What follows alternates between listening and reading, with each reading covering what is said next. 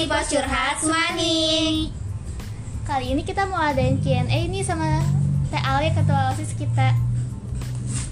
Halo semuanya, perkenalkan nama saya Alia Ginaya dan alhamdulillah uh, untuk tahun periode 2020-2021 ini saya menjadi ketua umum.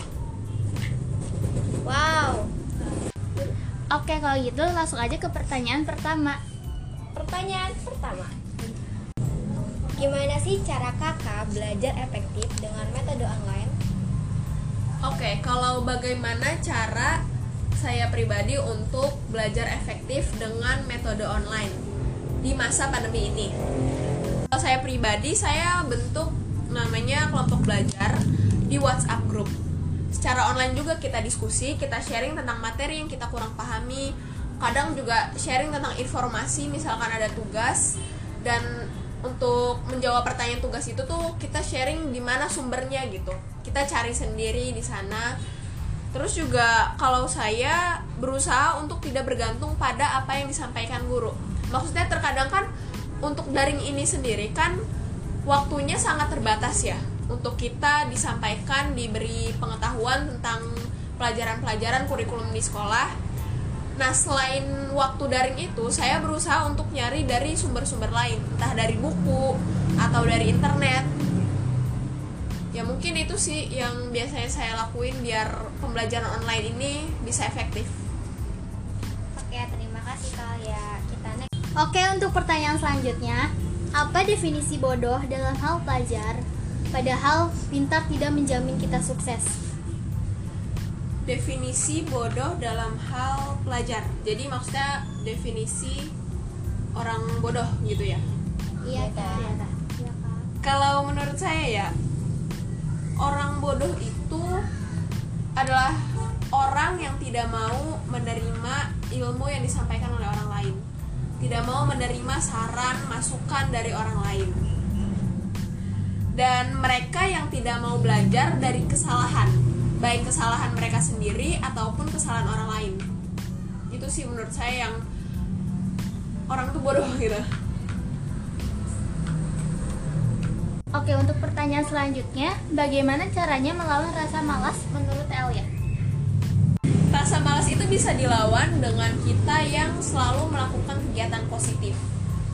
Mungkin saat kalian di rumah bisa bikin rencana kegiatan apa aja yang ingin kalian lakuin gitu. Dan mungkin bisa mengurangi penggunaan gadget ya karena gadget itu salah satu pemicu rasa malas yang paling besar. Caranya gimana gitu? Mungkin godaannya ada yang bilang godaannya tuh besar banget untuk gadget. Kalian bisa mulai dengan menghapus aplikasi yang paling sering kalian mainin paling sering kalian pakai hapus itu dan nantinya juga secara otomatis sih pengalaman saya uh, frekuensi saya bermain HP tuh juga jadi berkurang gitu. Uh, tapi teh kalau misalnya kan kita paling sering misalkan bukan WhatsApp, terus kayak ada yang ngechat kita terus nih ada temen chat. Tapi sedangkan kita juga ada tugas di WhatsApp gitu. Dari WhatsApp itu gimana teh? Cara nanganinnya? Iya. Kalau untuk aplikasi-aplikasi chatting ya, itu kan untuk berkomunikasi. Ya itu kalau menurut saya sih emang karena dibutuhkan tidak hanya untuk bermain-main tapi juga ada tugas ada kepentingan untuk silaturahmi. Itu ya nggak nggak harus aplikasi seperti itu. Yang aplikasi yang saya maksud itu misalkan seperti Instagram terus aplikasi-aplikasi webtoon mungkin ada kalian yang main atau TikTok mungkin ya banyak jadi menurut saya juga benefitnya selain mengurangi rasa malas mengurangi frekuensi kita main HP itu kan juga bisa mengurangi uh, jumlah apa menambah perse penyimpanan kita di HP gitu. Banyak jadi nggak cuma hal itu aja sih banyak hal. Dan saya juga emang gak nyaranin kalau misalkan kita ada keperluan dilihat lagi di, dari segi prioritasnya dilihat lagi dari segi kebutuhan kita terhadap aplikasi itu. Kalau misalkan memang cuma untuk bermain-main ya itu dia lebih baik dilepas.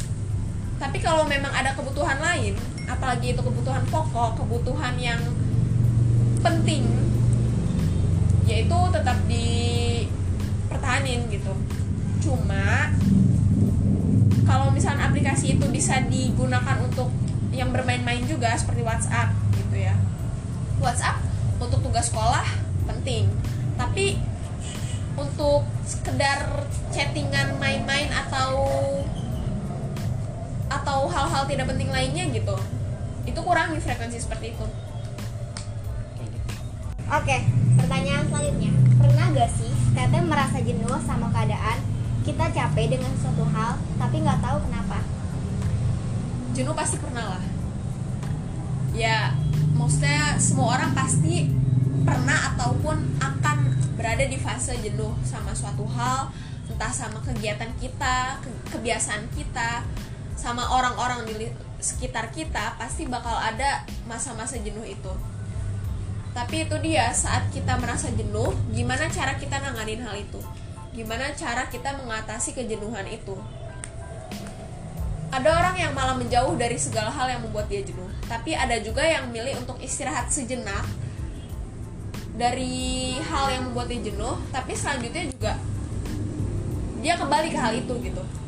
Jadi istilahnya kadang orang tuh cuma butuh yang namanya istirahat. Ya dalam rutinitas sehari juga sehari-hari pun dia juga butuh yang namanya berhenti sesaat gitu jadi menurut saya sih kalau kejenuhan itu wajar dan pasti pernah dialami semua orang termasuk saya. Pertanyaan selanjutnya, apa suka dan duka menjadi ketua OSIS? untuk suka dan duka menjadi ketua osis itu sebenarnya ada banyak. Banyak banget malah. Dan untuk diungkapinya juga emang agak sulit sih.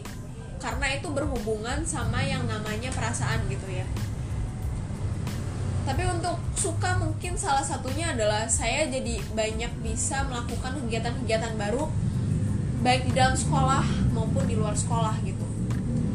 Untuk dukanya juga eh, mungkin lebih ke arah ke kesibukan saya ya. Di luar kesibukan akademis di luar kesibukan hal kegiatan sosial saya jadi bertambah eh, istilahnya satu kesibukan lagi gitu. Waktu saya jadi ada untuk memikirkan osis. Jadi lebih terbagi-bagi waktu saya tenaga saya lebih terbagi-bagi. Tapi itu dia itu adalah salah satu resiko gitu kan ya. Salah satu resiko yang emang saya yang memilih jalan itu. Saya yang berkata bahwa saya sanggup untuk jadi ketua osis. Jadi bagaimanapun kesibukan saya capeknya saya yaitu jadi tanggung jawab saya menjadi resiko yang saya ambil gitu Oke. Pertanyaan terakhir. Setuju gak sih kalau bumi itu datar? setuju Alasannya? nah, pertanyaan kan cuma ditanyakan setuju atau enggak ya setuju apa setuju gitu Tapi kan setuju itu mempunyai alasan. Oke. Kenapa setuju? mau yang secara langsung atau yang maksudnya secara panjang lebarnya atau yang enggak gitu Secara singkat, jelas dan padat. secara singkat pa- jelas dan padat. Karena di Al-Quran tertulis bahwa bumi itu datar. Iya kan bener kan? Oke jadi ya setuju bumi itu datar. Oke, terima kasih kepada Alia Ginaya yang telah menjawab pertanyaan. Iya sama-sama. Terima kasih juga ke kalian yang dari Sekbid 4 ya udah bikin program podcast ini Semangat terus untuk kalian ke depannya Semangat. Dan untuk yang lainnya Jangan lupa saksikan podcast tiap malam minggu Hanya di Spotify Yeay. Podcast mantap. Oke. Oke, bagi kalian yang punya cerita tentang love, friendship, family, and education, jangan lupa kirimkan cerita kalian ke email osismanik97 at gmail.com. Ditunggu cerita kalian. Bye-bye!